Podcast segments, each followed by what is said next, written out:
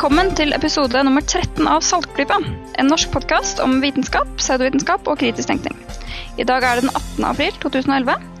Jeg er Elisha, og jeg skal lede denne episoden. Med meg har jeg Andreas. Hallo. Marit.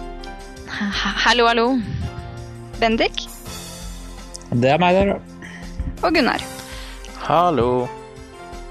Og i dag har vi en gjest, nemlig Wasim Sahid, som er lege, og som eh, kanskje er kjent for en del av våre lyttere som eh, følger med på Twitter, hvor han er veldig aktiv. Jeg skal selvfølgelig eh, legge inn link til Twitter-kontoen hans på notatene til denne episoden, så kan dere sjekke hva han skriver om, og gjerne følge ham hvis dere vil det. Ja, så var det nyheter. Gunnar, du hadde lest en la oss si, interessant artikkel her om dagen.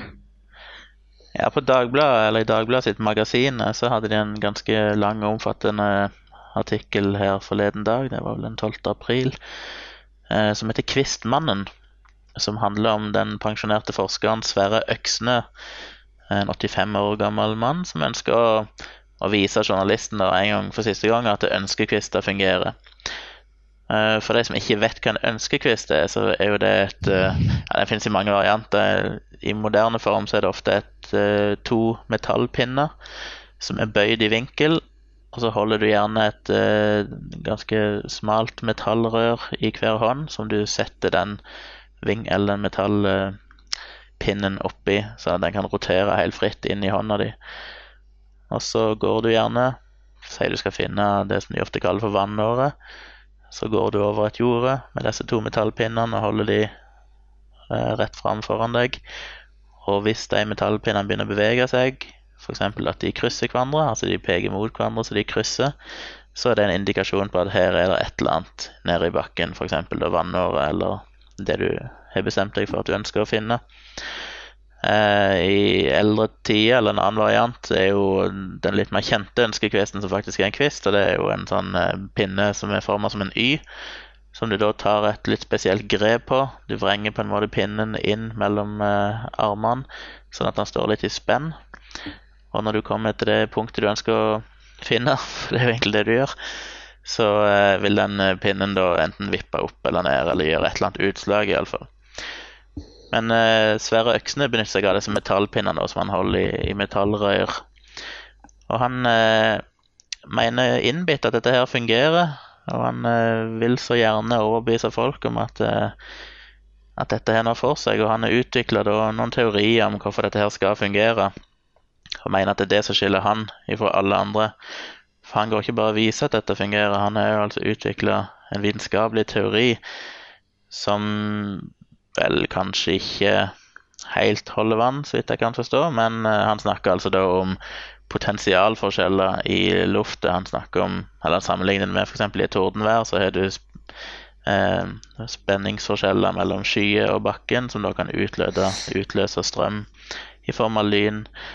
Og han mener at du har det samme i en menneskekropp, at du har en potensialforskjell, eh, sånn at strømmen strø går gjennom kroppen, og hvis det er blokkeringer i kroppen, eller hvis det er ja, ting som hindrer at eh, strømmen kan ledes fritt, så påvirker det sannsynligvis da bevegelser i armene eller et eller annet som gjør at disse pinnene slår ut. Så han mener at det er en, en rasjonell forklaring på dette her. Men han blir jo spurt av journalisten som sier at du kan jo ikke bevise noen ting, og han mener at jo, det er akkurat det han kan. Det er jo alt det han har nå vist journalisten, for han har fått journalisten med på å teste disse ønskekvistene og fått disse utslagene. Men han hevder at problemet er at vi ikke er følsomme nok instrumenter til å måle det. Og det syns jo jeg er et eh, dårlig poeng, for da er vi jo inne på dette her som vi snakket om flere ganger før. At pro altså selve teorien eller ideen om hvorfor dette skal virke, ikke så fryktelig interessant før du har bevist at det virker. Så følsomme instrumenter må du kanskje ha for å kunne bevise den teorien hans om disse potensialforskjellene osv., og, så videre, og hvordan de virker inn på kroppen. Men det er ikke så fryktelig interessant hvis ikke du engang kan vise at ønskekvistene faktisk slår ut, sånn som han påsender at de gjør. Og det er det jo utført veldig mange tester på. Og det krever jo overhodet ikke noe følsomme instrumenter. Det er jo bare å kan nevne f.eks. James Randy har gjort dette flere ganger. Jeg vil anbefale at dere søker opp James Randy eh, sin video fra Australia. En ganske gammel video fra 80-tallet eller noe sånt. Der de graver ned rør under bakken. Eh, Jeg husker ikke hvor mange det er, kanskje ti rør f.eks. Og så kan de da ved hjelp av krane velge hvilke rør det skal gå vann igjennom. Og det stiller opp flere titalls eh, sånne folk med ønskekvister som mener at de har evnene til å detektere dette. Og det morsomme er jo det at når de la, skal på en måte kalibrere instrumentet sitt før testen starter, så skrur de på vann i ett av disse rørene, og de får beskjed om at nå går det vann i f.eks. rør nummer tre. Og de går over med ønskekvisten, og den slår veldig tydelig ut. Og han som skal teste, sier enig i at jo, dette, dette fungerer, dette oppsettet holder mål. Så blir jo han som har ønskekvisten blinda, altså han på en måte går ut, han får ikke vite hvilket rør de skrur på vann i, så skal han komme inn og prøve å finne det ut på nytt. Og i alle som blir testa, så er jo treffraten like høy eller like lav som om du hadde gjetta, altså ca. én av ti. Um, og det er jo ganske påfallende at når du vet hvor det, det går vann, eller vet hvilket rør det går vann i, så slår denne effekten ut, altså slår ønskekvisten ut. Og da kommer vi inn på dette som er den egentlige forklaringen på hvorfor mange lar seg lure til å tro at ønskekvister fungerer, og som òg denne artikkelen nevner litt. Det er det som vi kaller for den idiomotoriske effekten, som er veldig godt forklart og veldig godt kjent. Eh, som da går på at Jeg vil, gjerne skyte inn at eh, et like viktig poeng på hvorfor dette foregår, er jo de psykologiske prosessene som disse menneskene opplever. Når de tester noe og det virker, så får de bekreftet eh, hypotesen sin. Og når det ikke virker, så har de en eller annen bortforklaring på Ja. hvorfor det ikke virker. Og i den videoen med James Randy så er det jo fascinerende at etterpå, når de da skal avsløre resultatet til alle disse folkene, så har de spurt på forhånd, og de fleste er jo sikre på at de har iallfall 100 at de har 100 rett, eller iallfall 90 eller et eller annet sånt. Og så viser det seg at snittet da ligger på 10% eller mm, ren gjetting. Og så spør de etterpå men tror du fortsatt at du har disse evnene. Og så godt som alle, hvis ikke alle, er fortsatt akkurat like sikre på at jo da, de har evnen da, eller ønsker hvordan det fungerer. Så det resultatet endrer ikke deres oppfatning av dette i det hele tatt. Det samme skjer jo i denne artikkelen her. Jeg kan gi et sitat. Eh, Han, eh, han sier f.eks. Eh, til journalisten at eh, det ser ikke ut til at det virker for journalisten. Nei, prøv en gang til, sier han, og be meg gå litt fortere denne gang. Jeg går mot ham en gang til, nok en gang med pinnene rett fram. Sier journalisten. Så svarer han. Nei, du er ikke særlig følsom for dette. Jeg tror det er fotografen som går bak der som forstyrrer, sier han. Ja, det er jo veldig, veldig typisk. Og sånn er det jo når James Rand gjør disse tester for The Million Dollar Prize, er det jo alltid et eller annet som interfererer, en eller annen skeptiker i, nærheten som eh, skaper dårlige vibrasjoner, eller et eller annet som gjør at det ikke fungerte akkurat da. Jeg har lest også at det er, noen av de som i, i de øyeblikkene hvor de skjønner at de har feilet, så kan de ikke komme på en, noen rasjonalisering eller eh, noen forklaring, og de, og de er eh, skaket i sin tro på fenomenet. Og så går det en ukes tid, og så de, har de rasjonalisert det på et eller annet vis. Mm. Her er det jo mye eksempler på for James Randys Million Dollar-test, at eh, de aksepterer på en måte nederlaget der og da. Mm. Så går det litt tid, og så får de plutselig et eller annet brev der det står en lang redegjørelse om hvorfor dette ikke fungerte likevel, og alt som var galt med testprotokollen osv. kan bare nevne et eksempel til på confirmation bias, også rett fra artikkelen der. Der han altså på besøk hos noen, og de visste at de hadde en brønn. Og så tenkte han, den brønnen må vi vel kunne finne. Så skar vi hver vår kvist, og det var sånne utslag! Vi klarte ikke å holde igjen, hø-hø, den vrei seg nesten ut av fingrene våre. Så spør journalisten da, fant dere brønnen? Han svarer, nei, nei, eller det vet jeg ikke. Men poenget er at kvisten slo ut som bare det. Da han fått Altså, han formulerer seg jo som at han fant den brønnen i begynnelsen. men han gjorde jo faktisk ikke det. Men han hadde et utslag. Hvem vet hva det var for? Men tilbake til den idiomotoriske effekten, altså, så bare for å ta det veldig kjapt, så er det små rykninger eller bevegelser i musklene, i hendene og underarmene, eh, som er trigga mye av forventninger. Så hvis du altså vet hvor ting er, eller vet eh, hva du skal finne, så vil det skje små bevegelser i hendene som gjør at ønskekvisten beveger seg sånn som du vil. Men det er ikke noe du kan merke sjøl. Altså det er på en måte en slags underbevisst eh, mekanisme. Sånn at det er veldig veldig lett å la seg lure av dette og føle at her er det andre krefter som virker inn på kroppen din. Og det sier han jo òg ganske tydelig i dette intervjuet, for da, da gjør han en test, og så spør journalisten beveget du ikke høyrehånda nå? Og han svarer Ja, selvfølgelig beveget jeg hånda, men jeg gjorde det ikke bevisst. Så du vrir på hånda? Ja, så klart gjør jeg det, ellers ville ikke søkepinnen flyttet seg, men poenget er at jeg ikke kan styre det. Og der forklarer jo egentlig den godeste øksene hele, hele fenomenet sjøl, bare at han vet det kanskje ikke. Altså, han forklarer jo egentlig den idiomotoriske effekten, men velger å heller basere det på noen ganske fascinerende teorier som han har kokt sammen sjøl i løpet av de siste leveårene sine.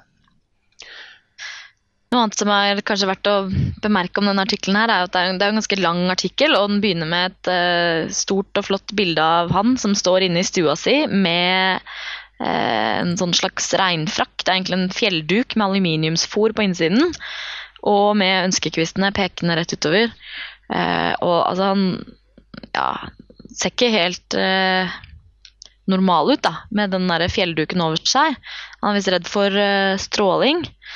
Um, og, og jeg, altså han, han, Portrettet som tegnes av ham, er jo en veldig sympatisk og gjennomtenkt fyr, egentlig. Men, men eh, så er det liksom disse avslørende øyeblikkene som også er inkludert i artikkelen. Og, og jeg som skeptiker syns det er bra at, han liksom, at det vises hvilke feil han gjør da, i, i artikkelen.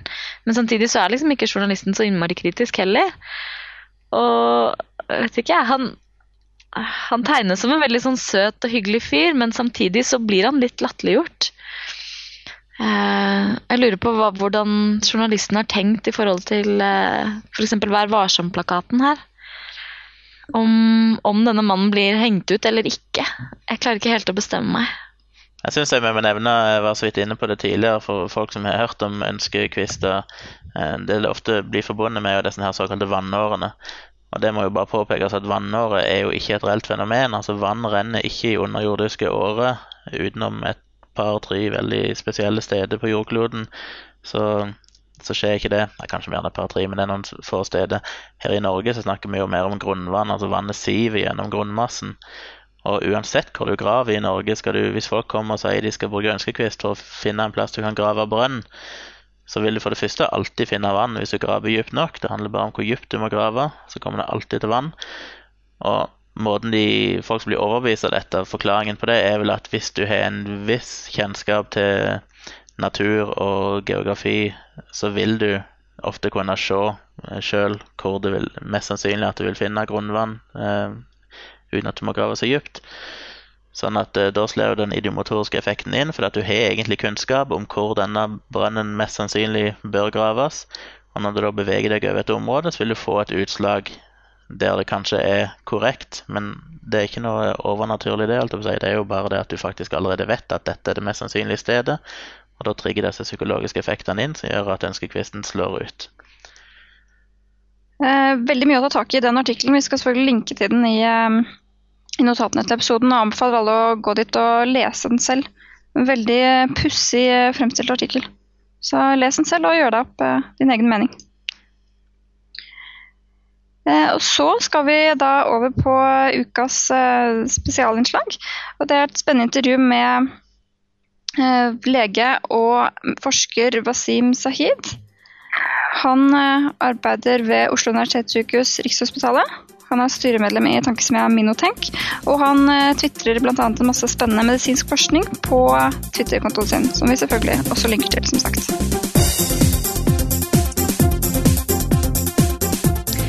Ja, da sitter vi her med Wasim Sahid. Tusen takk for at du kunne komme, Wasim.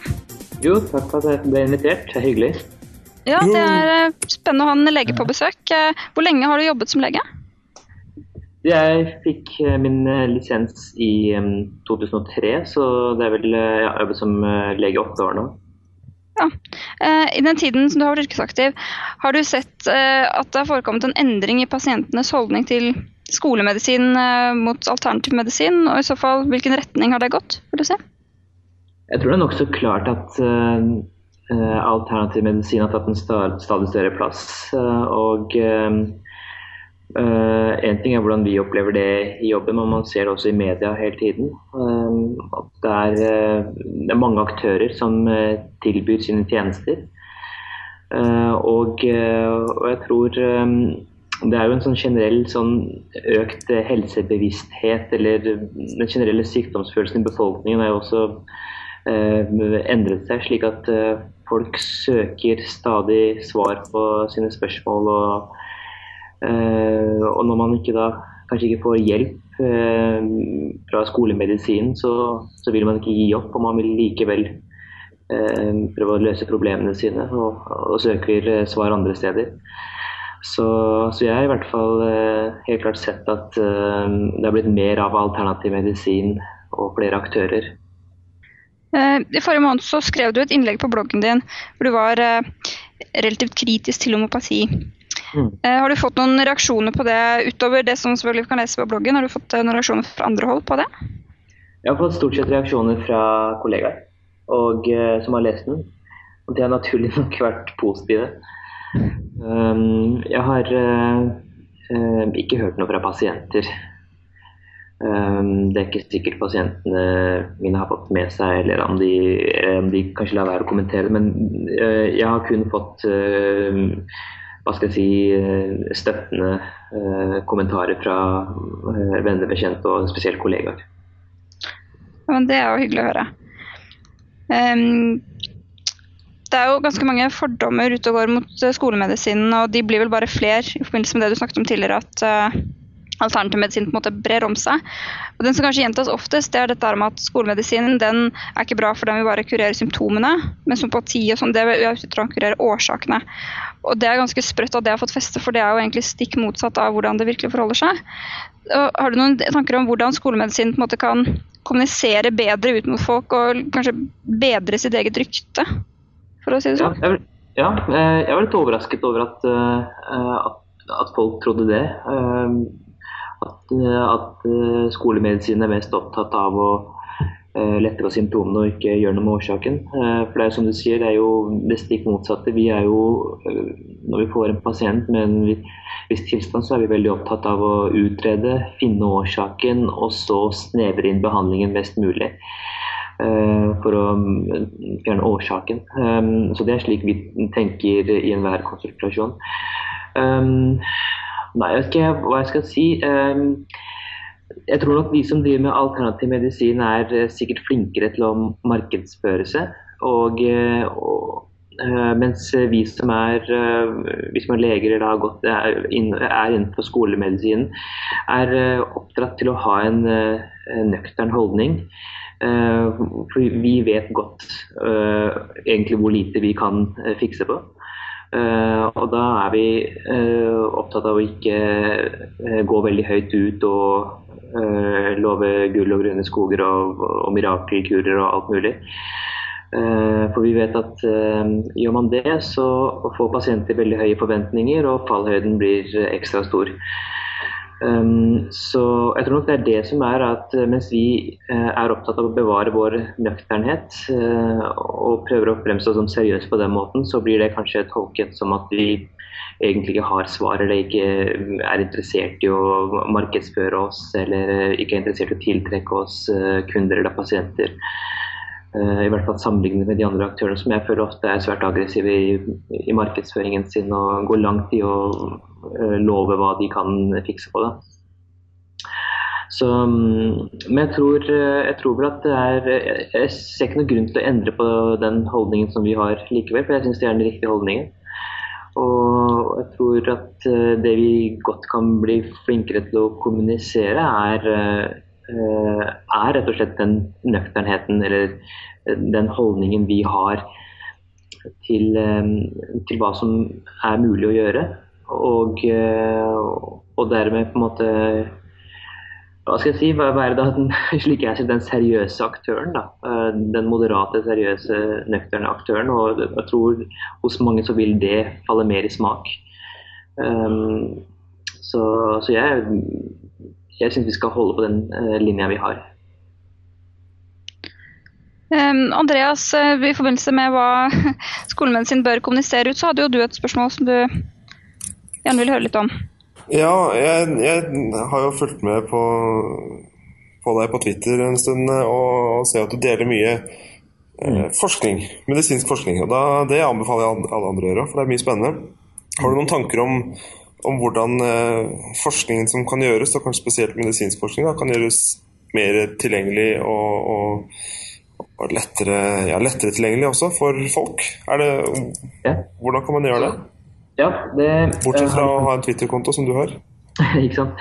Um, som du selv ofte ser på uh, mine tweets, så er det henvisninger til uh, amerikanske nyhetssteder som, uh, har, um, som omtaler en studie. uh, som omtaler ny forskning.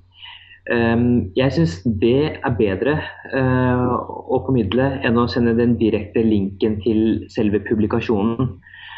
Um, fordi for, uh, for lekfolk, for folk som, og også for leger som ikke er uh, spesielt opptatt av forskning, så kan det å lese en uh, medisinsk faglig publikasjon være nokså tungt og kjedelig, egentlig. Uh, og da synes jeg, og jeg syns spesielt amerikanske og også, også britiske i stor grad websider er flinke til å gjøre ny forskning mer forståelig for folk flest. Eh, De er gode journalister som eh, setter seg virkelig inn i studiene, og finner essensen og eh, formidler det på en populær og lettfattelig måte. Eh, og Det eh, tror jeg også gjør at folk i, mye større grad leser disse her. I Norge så har vi skulle jeg gjerne sett mer av det. Vi har bl.a. Dagens Medisin, som jeg syns gjør en god jobb. Vi har jo forskning.no, som gjør en god, god jobb. Også tidsskriftet for Den norske legeforeningen i noen grad gjør det. Eh, Men jeg skulle jo gjerne sett at, eh, um, at mange av de f.eks. norske avisene, VG, Dagbladet, Aftenposten, eh, var flinkere til å eh, formidle forskning og gjøre den mer tilgjengelig for, eh, for folk flest på den måten. Hvem som, alle har jo tilgang til internett, og hvem som helst kan gå på pubmed.com eller eh, Medline eller søke på Google etter, eh, etter forskning, men da får man også treff på da, eh, tunge publikasjoner som er altså, for, all, for folk flest litt kjedelig å lese, egentlig. Så jeg tror det, disse, En del av disse amerikanske eh, avisene spesielt, de har jo Eh, De har jo da egne eh, hva skal jeg si, helseavdelinger som jobber spesielt, eh, og, de, spesielt med helserelaterte saker. og de måtte eh, skyte ut flere artikler om ny forskning daglig. Eh, som er morsomme å lese på. Det er flinke skribenter, og de, de måte, gjør forskningen aktuell og relaterer den til eh, aktuelle temaer. Jeg skulle gjerne sett mer av det også her i Norge. Ja. I og med at du er interessert i medisinsk forskning, så, så får man jo ofte høre kritikk eh, mot noen deler av den, og det gjøres jo veldig mye forskning. Hva, Fins det god og dårlig medisinsk forskning, og hva er i så fall forskjellen? Det eh, er et veldig godt spørsmål. Det fins god og dårlig forskning. Og for, eh, for leseren eller for forskeren som eh, følger med på dette, så er det viktig å kunne eh, skille mellom de. Og, og viktig å vite om man skal bruke tiden på å lese en viss artikkel eller ikke. Um, god forskning, det er um, ja, det, altså det, er flere, det, er, det er mange ting, men generelt så kan man si at det er um, det er forskning som er gjort med høy metodisk kvalitet. Uh, at man um, i sin, for i sin publikasjon beskriver nøye hvilke metoder man har brukt. Og og så avhenger selvfølgelig også god forskning av at man jobber i et bra forskerteam, at man har finansielle midler, at man har evnen til å endre sin retning og forfølge hints uh, som, som, er bra, og på en måte har evnen til å ja, se mot nye ting. Da. Og, og hvis man f.eks. ser på i hvert fall innen medisinsk forskning, så er jo da det som ofte regnes som spennende ny forskning, det er såkalte effektstudier. Hvor man da sammenligner effekten av, et, uh, av, en ny behandling eller et nytt medikament med eksisterende eller gammel behandling. og da er det, Når man leser sånne studier, så er det f.eks. viktig å sjekke om studien er stor nok og lang nok. Det er selvfølgelig forskjell på om man har fulgt 100 pasienter i tre måneder kontra 10 000 pasienter i fem år. Og så er jo mange av de som publiserer, de er jo selvfølgelig opptatt av å få andre til å lese sin forskning. Så det fins måter å publisere altså, hva skal jeg si, eh, omtale sine tall på som gjør at det virker veldig fantastisk og, og tiltrekkende. Men da er det viktig å på en måte gå litt etter det og, og se, se, etter tallene om det virkelig er så bra. Er det, um, hvordan har de f.eks. Um, Um, ofte så opererer de med dette med relativ eh, risikoreduksjon. Um, for eksempel, La bare ta, ta et kjapt eksempel. Uh, hvis man viser at um, en viss uh, behandling uh, har redusert risikoen for å utvikle en sykdom med så mange prosent, kontra en gammel behandling som kun reduserte med så mange prosent. Og, og, så kan man presentere det i form av at eh, ja, den relative risikoreduksjonen er på 40-50% og det høres kjempebra ut. Men ser man på den absolutte risikoreduksjonen, så er kanskje forskjellen bare på en halv prosent. Så det er viktig å på en måte gå etter, uh, gå etter tallene og se uh, hva som virkelig står der. Um, dårlig forskning, så det som selvfølgelig må kalles i hvert fall resultatet av dårlig forskning, er når man ser at det er behandlinger som har vært brukt, som man har trodd har vært eh, bra, og som viser seg å heller gjøre større skade. Um, et klassisk eksempel som ofte kommer opp der, er jo da dette med talidomid, dette medikamentet som ble utviklet på 60-tallet uh, mot uh, svangerskapskvalme. Uh, og så viste det seg at um, dette var um, Dette førte til store misdannelser til fastrene hos de kvinnene som brukte dette medikamentet. Og, eh, og, når man så hva som var årsaken til det, så var det det at de produsentene hadde vært veldig kjappe. De hadde testet medikamentet kun på dyr. Hadde aldri gjort noen test på, på mennesker. Uh, og, og det, det, må man da kalle dårlig forskning. Da har man brukt dårlige metoder. Eh, og Det ser vi gang på gang i sånne saker. Eh, når man går etter å se hva som er galt, så er det det at i dårlig forskning så har forskerne ikke på en måte vært tro mot, ikke vært strenge nok i forhold til å følge riktige eh, forhåndsbestemte metoder det er veldig lett å uh, la seg villfare av det som tilsynelatende virker uh, riktig, som sannsynligvis kanskje er riktig, og så bærer det egentlig ganske uh, feil av sted. Så, um, så, jeg vil si at det er kanskje den største forskjellen på god og dårlig forskning, er det at man er flink til å følge gode metoder. Ehm, I forlengelse av det så kan du kanskje forklare litt eh, så enkelt som mulig hvordan medisinsk forskning foregår. Hva en randomisert og placebo-kontrollert studie er, og hvorfor det er nødvendig å gjøre det sånn? Ja. Uh, medisinsk forskning foregår på veldig mange måter. Um, man har uh, altså det du nevnte der, randomiserte, kontrollerte trials, altså RCT-er. Uh, man har cohort-studier, man har case, study, case control studies, ja, man har uh, kvalitativ forskning. Uh, men det som selvfølgelig er veldig i vinden, det er jo dette her med randomiserte, kontrollerte studier. Og det foregår ofte for å, det gjør man ofte for å sjekke effekten av en viss behandling eller medikament.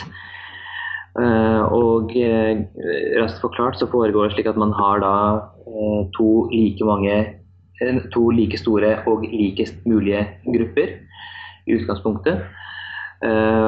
Og menneskene i de ulike gruppene er fordelt helt tilfeldig, altså random.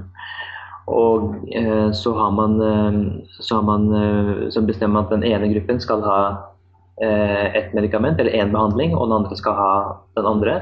Og pasienten pasientene som mottar behandlingen, skal helst ikke vite eh, om de får den ene eller den andre behandlingen.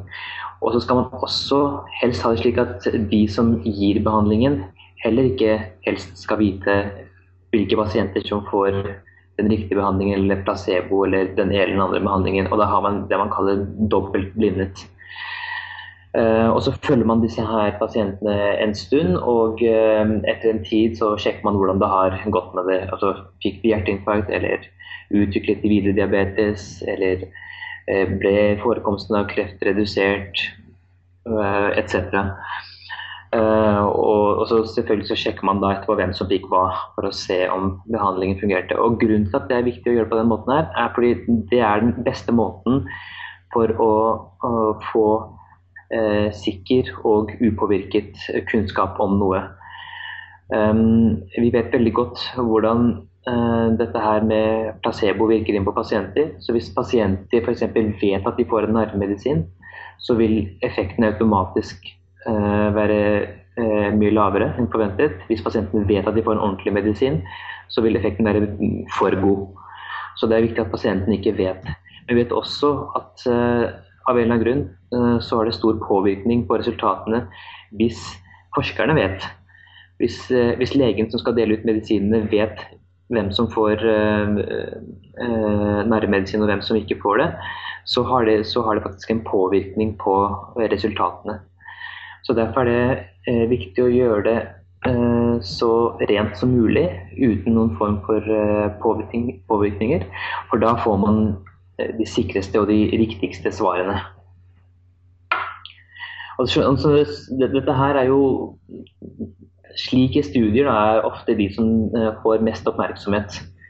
Eh, og ofte blir publisert i de største tidsskriftene. Og så er det sånn at Disse studiene er eh, oftest drevet av eh, legemiddelindustrien. Eh, de som f.eks. har utviklet et nytt medikament. Eh, det er ofte da de som eh, også finansierer og driver studiene. Rett og slett fordi det er de som har pengene og midlene. Så de er ofte sterkt delaktige i, i, disse prosessene. Og så kan man diskutere om det er heldig eller ikke heldig. Men det er, det er i hvert fall sånn virkeligheten er, da. Du har vært en del kritisk til alternativ medisin, men ser du noen positive sider ved at folk eh, benytter seg av alternativ behandling? Altså, jeg er um, jeg, jeg, Som lege og som behandler så er jeg mest opptatt av at pasientene skal ha det bra. Uh, og eh, skal føle seg fint behandlet. Uh, skal slippe av smerter og dette her. Og i den grad annen medisin enn skolemedisin kan hjelpe pasientene, så syns jeg det kun er positivt. Um, og, og jeg, jeg, hører jo selvfølgelig anekdoter om uh, pasienter som har prøvd homopati eller har prøvd uh, osteopati eller naprapati Um, eller vært hos en healer og, uh, og blitt hjulpet. da, og, og, følt seg bedre. Så um, jeg ser jo selvfølgelig jeg ser selvfølgelig den verdien. Men samtidig så er det det som gjør at jeg uh, Det som gjør at jeg blir jo litt betenkt også, er jo ikke minst de store honorarene som mange av disse tar. Og, ehm, og, det blir jo litt sånn, for meg i hvert fall litt kynisk, å eh, utnytte eh, pasienter som er i en fortvilet situasjon, som er villige til å prøve hva som helst og villige til å betale hva som helst. Og, eh, og da har jeg også sett at det er mange behandlere som tar hva som helst for å tilby hjelp. Um, og, og, igjen så må jeg jo si at jeg, jeg vil jo fastholde at uh, mange av disse typer behandlingene Eh, i hvert fall ut fra min forståelse av hvordan ting eh, henger sammen, ikke vil fungere. Og når man da også vet at de heller ikke har noen dokumentasjon på at behandlingen de gir, fungerer, så syns jeg det blir egentlig rett og slett litt dårlig gjort å ta store honorarer fra, fra pasienter og um, ja, uh, for å love dem bedring, da. Men det er klart, jeg ser også at det er de som blir hjulpet, og de som har nytte av det. Så det, eh, det er fint, syns jeg. Jeg føler du at skolemedisinen, eller din, din, egen profesjon, har noe å lære av alternative behandlere? Hva er det som gjør at folk oppsøker alternativ behandling når det finnes effektiv medisin i mange tilfeller? Jeg, jeg tror at um, um, Jeg tror kanskje noe av grunnen til at mange kan være tiltrukket av um, alternativ medisin, er at, at kanskje, eh, pasientene føler at de blir mer ivaretatt på den måten at kanskje behandleren har mer tid til pasienten. At det er uh, mer fokus på, på, samtale. At man uh, føler en omsorg. Uh, at man føler seg brydd om. Um, og, og, jeg tror det er, det er, er viktig. Og, og, hvis, og, hvis, alternative behandlere er, er, flinke til det, så all honnør til dem. Og, det tror jeg, eh, og da har vi noe å lære av dem der. Og det tror jeg er viktig for pasienten. Å føle, at, uh, føle seg tatt vare på, føle seg tatt alvorlig. Um, og føle at uh, noen tar seg tid til seg. Um, så, og det tror jeg er det, Mitt inntrykk er at de som driver med alternativ medisin, er flinke til det. Og, og det er faktisk noe vi kan lære av. Men det er en ting jeg lurer på i, Det er veldig mange Du var litt inne på det nå sjøl, med måten alternative behandlere tar vare på pasienten i form av at de, de har tid, og de lytter, og de, ja, de er flinke til å trigge de mekanismene som kanskje utløser en placeboeffekt. Mm. Og Da lurer jeg på, innenfor den utdanningen du sjøl har vært gjennom, en vanlig legeutdanning, medisinsk utdanning, eh, hvor mye lærer dere om interaksjon med pasienten, altså hvordan du skal kommunisere. Eh, burde det vært mer av det inne i legeutdannelsen, noe som gjør at dere i større grad kunne høste fruktene av de placeboeffektene som en kanskje kan trigge ved hjelp av å bruke eh, disse metodene? Ja, Veldig godt spørsmål. Um, det har vært en uh, betydelig endring, um, i hvert fall ved norske universiteter. Eh, og det er stor forskjell på eh, leger som er 10-15 eh, år eldre enn meg, og som har vært i gamet noen år, og de som ble da utdannet spesielt Det begynte vel da jeg begynte på studiet, og, og de som har kommet etter meg. Hvor det har vært et mye større fokus på pasientkontakt, på samtalen, på det å vise empati det å være flink til å plukke opp eh, signaler fra pasienten i form av eh, kroppsspråk eller måten de uttrykker seg på, og være en god lytter. Så det har vært, det har vært et veldig stort fokus på disse såkalte atferdsfagene i medisin. Eh, de siste 10-15 årene ved norske universiteter. Og jeg tror at de eh, legene som da er i min generasjon, de som kommer etter meg nå, er, er flinkere til det. Eh, og bruker den Altså utnytter den muligheten som ligger der også i å hjelpe pasienten. Det er klart det utfordring som er der, er at over halvparten av de til enhver tid nyutdannede legene i eh, Norge er eh, ikke utdannet i Norge. Eh, det er mange som utdannes nedover i Europa. Ikke ett vondt ord om kvaliteten på medisinsk utdannelse i andre europeiske land, faglig sett. Jeg tror de er veldig flinke. Men de har kanskje ikke det samme fokuset på dette her med, med pasientkontakt og, og, det er klart liksom det, Bare det i, i, språk så ligger det jo masse. ikke sant? Eh, nyansene i språket, det å fange opp uh, hva pasienten sier, uh, prøve å forstå hva pasienten egentlig mener. Det er noe som går tapt hvis man f.eks.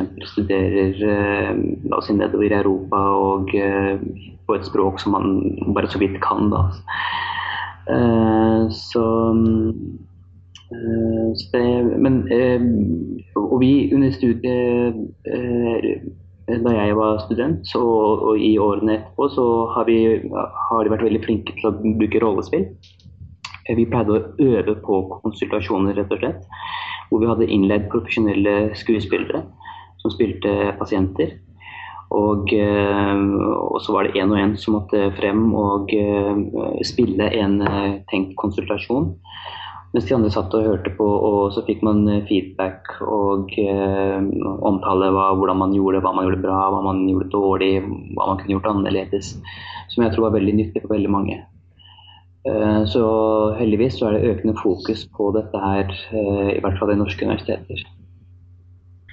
Um, det er noen som mener at uh, sånn, kampen mot kvakksalveriet er tapt i det norske samfunn. Hva mener du, er det håp for folk? Altså, det er jo Det var et, et av de altså, de spørsmålene som jeg leste i stad, om jeg foretrakk kvakksalveloven eller lov om alternativ behandling. og jeg må jo si at ja, altså jeg, jeg, jeg, foretrekker jo sistnevnte. Um, og jeg syns det er greit at uh, folk som ikke er helsepersonell, skal ha lov til å tilby sin tjeneste for å hjelpe pasienter. Uh, men, jeg, skulle gjerne sett en større redelighet i den bransjen. At de um, er litt mer ærlige og forteller Eh, åpent om hva de har dokumentasjon for å gjøre. Altså den behandlingen de gir, i, hvilken grad den eh, fungerer, hvordan den fungerer. Uh, og at, at, man ikke er så aggressiv i markedsføringen av, av sitt yrke og på en måte skryter på seg mer enn man kan love i sin behandling. så jeg, jeg, jeg syns det er greit at vi er en aktør i dette her. Og det er tross alt pasientene som bestemmer, befolkningen som bestemmer uh, hva man skal ha av uh, behandlere. Uh, og jeg tror vi som representerer skolemedisin må bare vise at vi gjør den jobben vi gjør, at vi tar den seriøst og vi har forklarer vår måte å jobbe på. Så får det være opp til pasienten om de vil for hva de skal velge. Altså.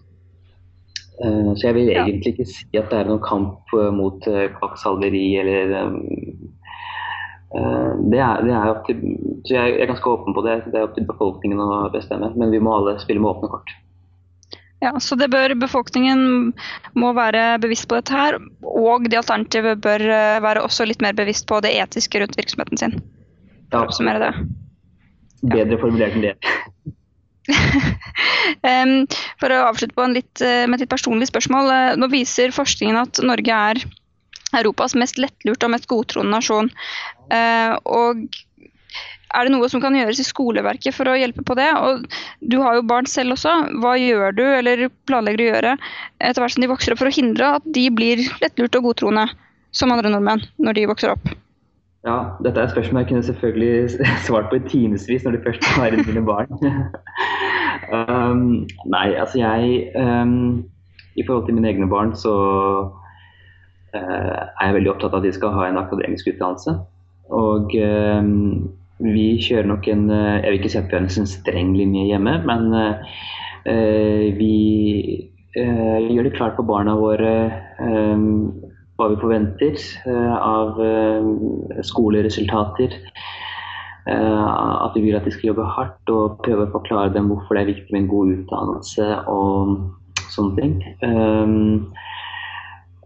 Og det er sikkert nå, nå, De to eldste mine de er åtte og seks år, de er allerede veldig interessert i dette her med eh, naturfag og naturvitenskap og teknologi. og Eh, medisin, og, det har helt sikkert med noe med å gjøre med den påvirkningen de har fått hjemmefra.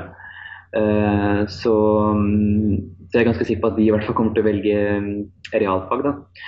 Og, uh, og det tror jeg er viktig, fordi det er på en måte Jeg syns i hvert fall at realfag er, er fag som er presise, og, og, og da blir man på en måte oppdratt til å Um, til, å, til, å, være kritisk, til å be om uh, fakta, be om svar. Og da tror jeg også man blir mindre lettlurt. Uh, så jeg, og det skulle jeg også jeg, gjerne sett den skolen som barna mine går på. Det er en veldig fin skole. og nå er jo, det er klart, det er jo klassen er ikke så Klassetrinnene er jo lave fortsatt. Um, men jeg skulle gjerne sett at man uh, satset enda litt uh, mer på det akademiske i, i, i skolen, helt fra, uh, helt fra barneskolene. og ehm, det er selvfølgelig veldig viktig med lek og, at det skal være morsomt på skolen. Det er jeg veldig for. Ehm, men jeg skulle gjerne sett at man satset litt mer på teknologi, på, på fag, på, på kunnskap. Eh, og sånne ting eh, fra tidlig av. Og det tror jeg styrker barnas eh, evne til å tenke. tenke kritisk. Og det bidrar til at de, ikke, at de unngår å være naive og godtroende. En av mange ting, selvfølgelig. Det tror jeg vi alle kan slutte oss til. Det har vært kjempeinteressant å prate med deg, tusen takk for alle svarene. Og takk igjen for at du ja, metaforisk møtte opp til dette intervjuet. Ja, tusen takk for at dere kom. Det var veldig spennende å være med og svare. Så takk til dere.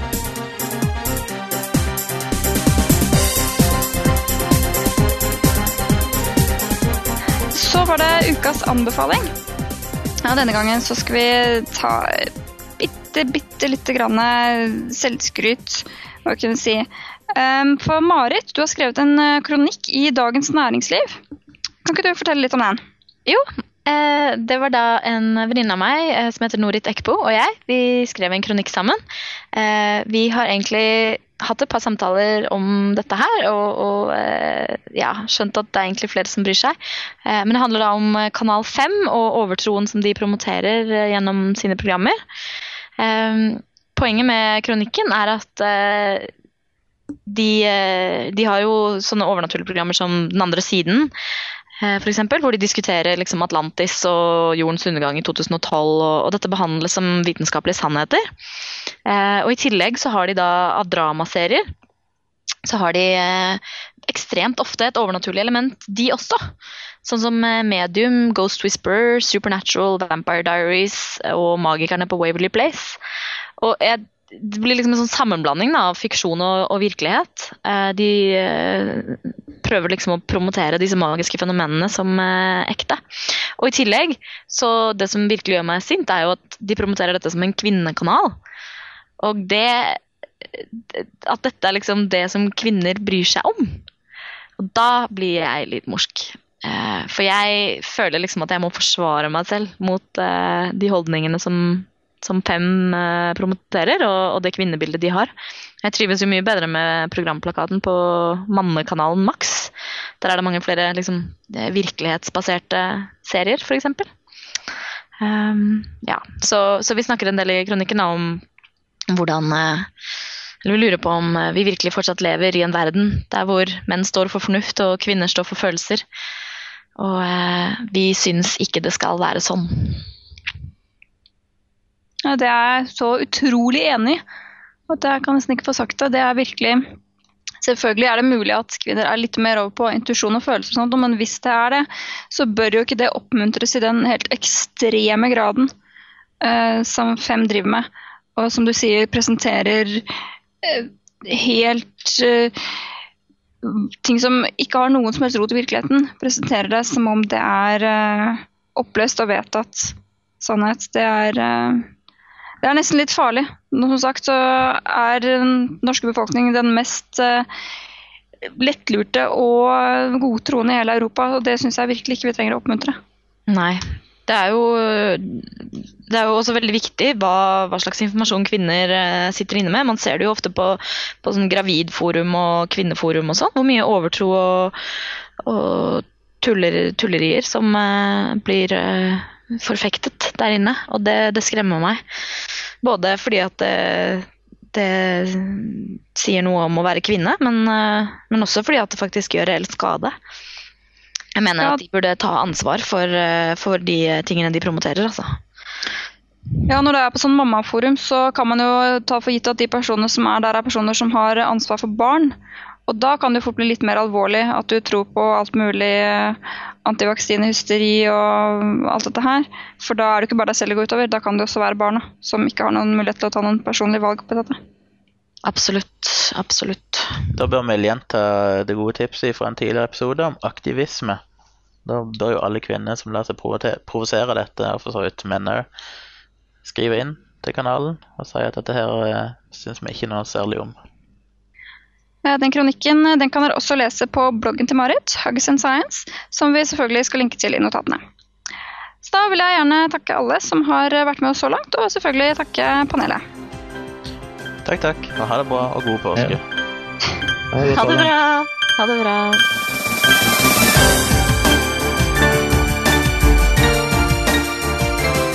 Saltklypa er en norsk podkast som tar for seg vitenskap og pseudovitenskap i samfunnet med et kritisk blikk. Podkasten produseres og drives på frivillig basis av seks personer, helt uavhengig av noen organisasjon. Vi vil gjerne høre fra deg, kjære lytter. Hvis du har spørsmål eller kommentarer til dette eller andre avsnitt, kan du sende oss en mail, legge inn en talebeskjed på Skype eller skrive en kommentar på vår nettside. Informasjon om dette samt linker og notater til det vi har snakket om i denne episoden, finner du på saltklippa.no. Denne episoden fant vi frem til helt uten bruk av ønskekvist.